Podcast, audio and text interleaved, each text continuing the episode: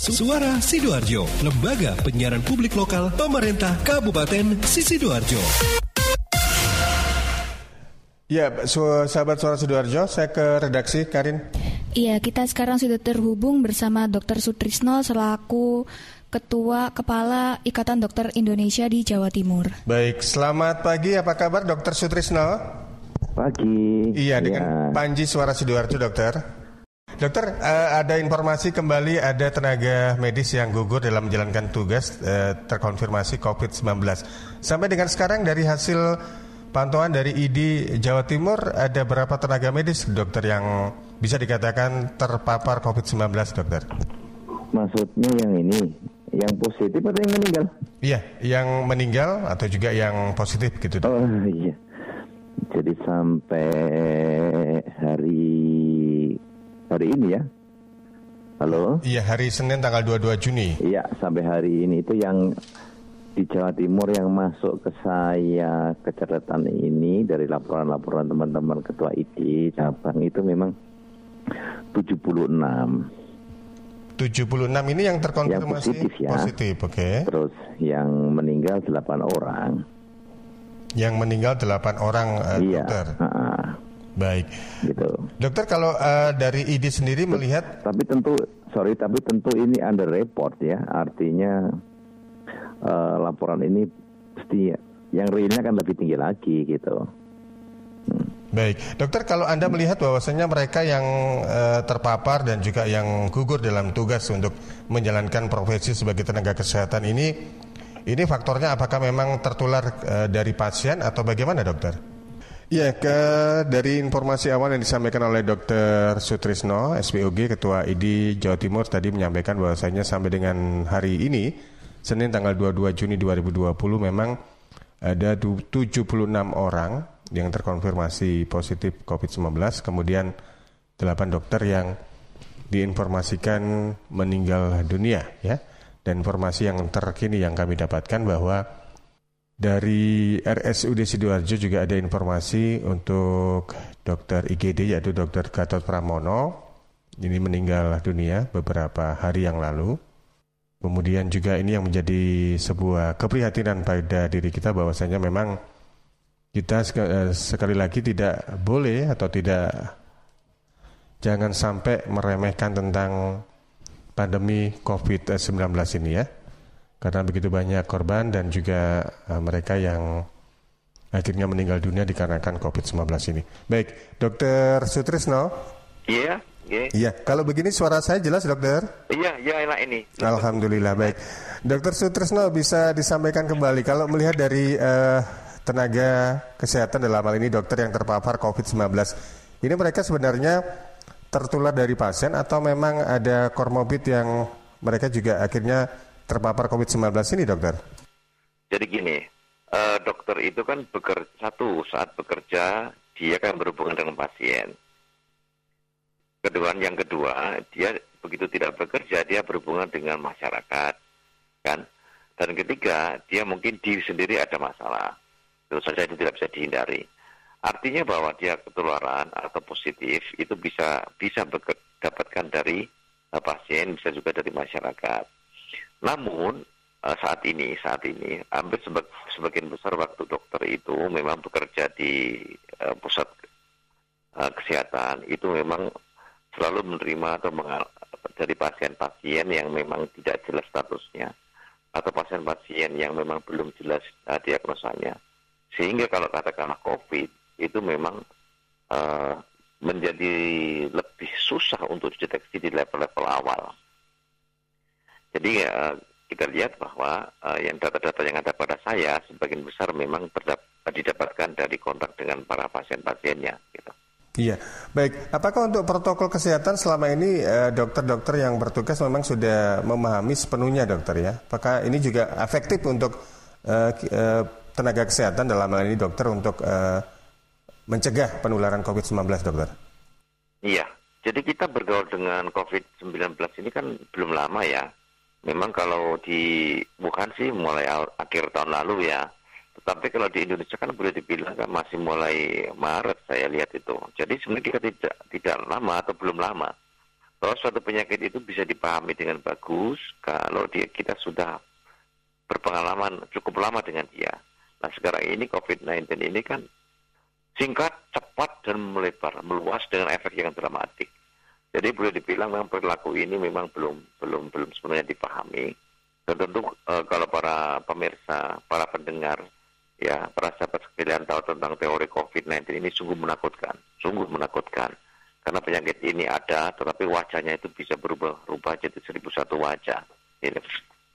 Terus yang kedua bahwa kita APD itu memang senjata utama buat para tenaga kesehatan dalam memberikan pelayanan dan tentu bahwa mode transmisinya ada droplet, ya terutama lewat hidung dan mulut, kemudian sebagian kecil mata dan sebagian dibantu oleh tangan karena memindahkan memindahkan memindahkan virus, maka bahwa protokol kesehatan yang kita untuk membarier dari lubang-lubang alami ini sebenarnya sangat efektif.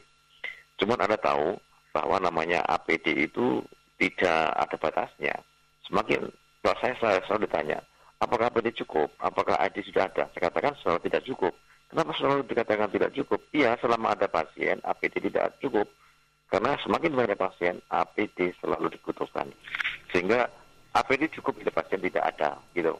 Yeah. Artinya bahwa bahwa memang APD ini sangat dibutuhkan, sangat diperlukan, dan sepertinya efektif untuk sebagai barier tenaga kesehatan, dan tentu saja jumlahnya belum cukup hingga kini sampai pasiennya tidak ada gitu. Iya, untuk penggunaan APD sendiri di kalangan medis apakah sekali pakai atau bisa digunakan untuk berkali-kali pakai ini dokter? Ya, kita, kalau kita bisa ideal, idealnya itu memang harus single use, artinya bahwa bahwa APD dikenakan selesai tugas sekitar 4 sampai 6 jam, maka dilepas dan dibuang, mestinya begitu. Sehingga memang uh, ini yang paling baik dan paling aman. Tetapi faktanya uh, dengan banyaknya pasien tentu uh, eh, APD tidak semuanya bisa di single use sehingga ada beberapa yang memang reuse. Tapi idealnya mas secara kesehatan memangnya harus single use gitu. Iya, harus sekali pakai gitu dokter ya. Iya, iya. Baik, dokter untuk uh, standarisasi dalam uh, penggunaan APD di kalangan medis ini apakah memang sudah cukup mumpuni? Jadi ke, selama ini kan kita tahu masyarakat awam melihat kalau uh, tenaga medis entah itu perawat atau dokter memakai asmat, kemudian face shield, ada masker. Apakah itu uh, kemudian sarung tangan? Apakah itu uh, cukup efektif, dokter? Ya, jadi gini, uh, para dokter itu kan uh, di Jawa Timur ini kan ada 25 ribu dokter lebih yang mereka malah dari usia yang muda sampai usia yang sudah senior. Uh, tetapi uh, pengetahuan kita tentang COVID ini kan masih baru, sehingga memang para dokter sendiri dulu selama sekolahnya tidak mendapatkan topik tentang COVID-19, ya kan, tidak mendapatkan itu. Mungkin dapatnya cuma uh, influenza, ya kan, kapan hari juga ada MERS, ada SARS, ya kan. Yeah. Tapi memang, tapi memang COVID-19 ini dramatik ya, dalam dalam tempo cepat demikian meluas, meluas dan menyerang siapa pun, jadi tidak pandang bulu. Kalau MERS sama SARS itu ada spesifiknya, ya.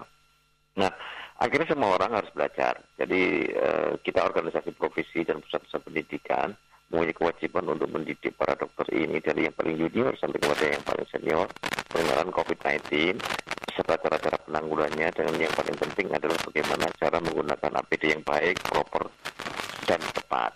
Jadi semua dalam proses update terus, jadi ilmunya kita selalu ada webinar, ada pendidikan jarak jauh dan segala macamnya dalam kerangka meningkatkan kemampuan para dokter dan tenaga kesehatan yang lain di dalam mengenali penyakit ini dan yang paling penting dalam menggunakan APD yang sesuai untuk kita sehari-hari di lapangan kerja masing-masing.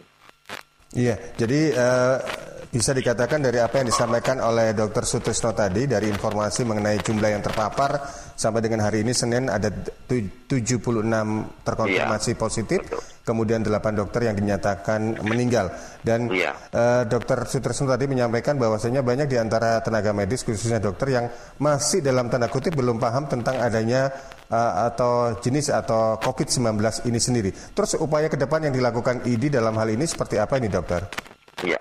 Satu kita di dalam medis ini dari level uh, lokal sampai level internasional kita sedang riset ya riset dalam bentuk dalam banyak hal model epidemiologi, molekuler, pengobatan, vaksin dan. Di di dalam mengenali lebih bagus dengan harapan nanti akhir tahun kita bisa mendapatkan obat yang tepat mungkin tahun depan bisa mendapatkan vaksin itu. Terus yang kedua tentang pelayanan riset operasional dalam pelayanan, bagaimana membangun sistem pelayanan yang baik uh, uh, menghadapi kasus yang ini, yang demikian uh, kompleks ini. Dan saya yakin kenapa ini penting di pelayanan ini karena rumah sakit akan menjadi battlefield yang terakhir menjadi uh, area pertempuran yang terakhir dan ini akan jangka lama, tidak bulan tapi bertahun-tahun saya yakin rumah iya. sakit akan menjadi pertempuran karena uh, penyakit ini akan berinteraksi dengan penyakit-penyakit yang lain menjadi masalah yang lebih kompleks ya. Jadi harapannya nanti uh, kita akan mendidik sumber daya manusia baik di level lapangan, di level rumah sakit, di level laboratorium dan segala macamnya beraktivitas secara simultan di dunia masing-masing dengan harapan nanti akhir tahun atau mungkin tahun depan bisa mendapatkan obat yang tepat, bisa mendapatkan vaksin yang yang efektif, dan lebih penting lagi adalah sistem pelayanan yang sesuai untuk menghadapi COVID-19 beserta permasalahannya. Iya, Dokter Sutesno, uh, ada informasi juga kalau uh, untuk virus ini apakah sudah bermutasi menjadi virus yang lebih berbahaya atau bagaimana dokter informasi yang didapatkan oleh ID, dokter? Ya, jadi virus ini adalah RNA virus, jadi virus jenis RNA, jadi sama dengan virus influenza, virus MERS, virus SARS, virus HIV. Jadi virus ini uh, aneh.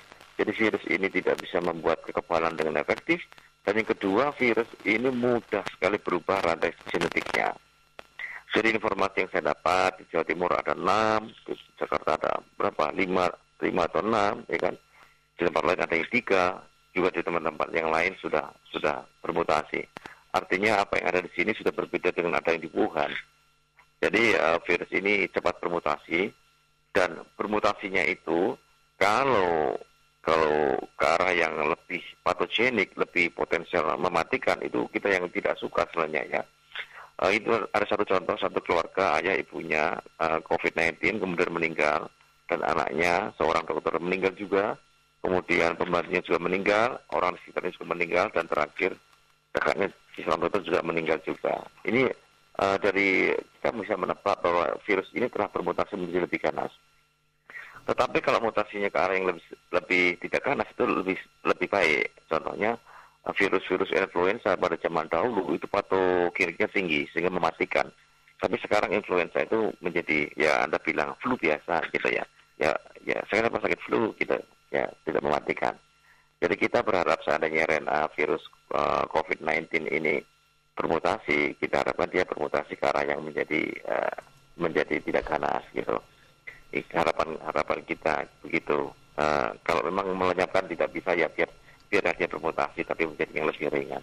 Baik. Mohon doanya semuanya. Jadi, dokter, eh, terakhir barangkali ada yang mau disampaikan kepada teman sejawat kalangan medis terkait dengan pandemi COVID-19 ini yang masih sampai dengan hari ini menjadi sebuah permasalahan serius yang dihadapi oleh seluruh rakyat Indonesia ini, dokter. Moga. Baik, uh, mumpung saya bicara kepada kalanya, saya menekankan kepada satu kepada para dokter. Jadi untuk terus mengupdate ilmunya tentang COVID-19. Yang kedua, terus uh, meningkatkan kedisiplinan di dalam mematuhi protokol kesehatan dalam dan menggunakan APD. Dan tentu saja yang ketiga, jangan lupa untuk mencatat hotline dan mitigasi di wilayah Jawa Timur yang sudah kita buat. Seandainya memang memerlukan bantuan, di hotline itu bisa diminta bantuan kapan saja, ya Kemudian kepada pemerintah, uh, kami berharap untuk support kepada fasilitas kesehatan bentuk APD yang yang baik dengan anggaran yang baik, tentu saja dengan obat-obatan dan fasilitas lain kepada tenaga kesehatan. Syukur-syukur ada fasilitas tambahan sehingga ke depannya kita menginginkan ada tempat isolasi khusus bila, bila tenaga kesehatan itu terpapar dan positif. Kenapa isolasi khusus? Karena seorang dokter, seorang perawat, seorang bidan, seorang nakes yang positif itu potensi menularkan kepada diri sendiri, potensi kepada keluarga, keluarganya, potensi kepada pasien-pasiennya, dan potensi kepada masyarakat. Jadi karena memang memang uh, jadi efeknya itu bisa multiple. Dan tentu saja kepada masyarakat saya me menyampaikan ya memang coronavirus ini memang tidak bisa dilihat. Jadi jangan pernah bermimpi melihat coronavirus. Ya nggak ada. Jadi saya dikatakan ini loh di pasar nggak ada corona, ini loh di jalan raya, car free day nggak ada corona. Ya memang nggak ada, nggak ada corona di situ. Kalau pengen lihat corona, lihat efeknya, silakan datang di IGD Dr. Sutomo Surabaya, di IGD Rumah Sakit uh, Erlangga, IGD di Rumah Sakit uh, Ramelan dan Rumah Sakit Rumah Sakit Rujukan. Maka di sana akan melihat berpuluh-puluh ratusan orang kesukaran untuk menghirup oksigen yang gratis ini. Jadi gratis ini aja sukar untuk dihirup oleh mereka-mereka. Maka para-para yang tidak percaya, mungkin suatu saat kita bisa ke sana menemani, melihat saudara-saudara kita yang berjuang antara hidup dan mati untuk menghirup oksigen. Barangkali bisa lebih paham dan barangkali bisa mengajak saudara-saudara kita yang lain untuk berhati-hati, mematuhi protokol kesehatan, masker setiap saat, cuci tangan, jaga jarak, hindari hindari tempat-tempat ramai dan tentu saja jangan bikin acara-acara yang yang mengundang banyak orang uh, tahan dulu semua rencana-rencana pengembangan dan yang paling penting adalah uh, berbudaya hidup sehat, berperilaku hidup sehat untuk sementara silaturahim yang bersifat uh, kedekatan fisik ditunda dulu bersabar untuk beberapa bulan dan yang paling penting menggunakan sarana uh, apa IT, handphone dan apa pun untuk berkomunikasi dan menggapai kebutuhan yang memang esensial setiap harinya. Iya, Hidup, dokter. Mas. Baik, cara-cara itu eh, eh, sepertinya juga sampai sekarang masih efektif dokter ya untuk mencegah pandemi COVID-19 ini. Dokter, kami apresiasi terhadap eh, upaya yang dilakukan oleh pihak tenaga medis dan mudah-mudahan iya. selalu ya. sehat dan juga kita ke depan bisa eh, semakin terhindar dan juga syukur-syukur bisa ketemu vaksin Amin. untuk COVID-19 ini dan kita optimis. Ya, betul. Kita harus optimis supaya kita terbebas dari COVID-19. Dokter Sutrisno, terima kasih waktunya. Selamat pagi dan selamat beraktivitas, dokter. Selamat pagi. Assalamualaikum warahmatullahi wabarakatuh. Waalaikumsalam warahmatullahi wabarakatuh. Demikian tadi sahabat saya sudah berbincang dengan Dr. Sutrisno SPOG. Beliau adalah Ketua ID Provinsi Jawa Timur.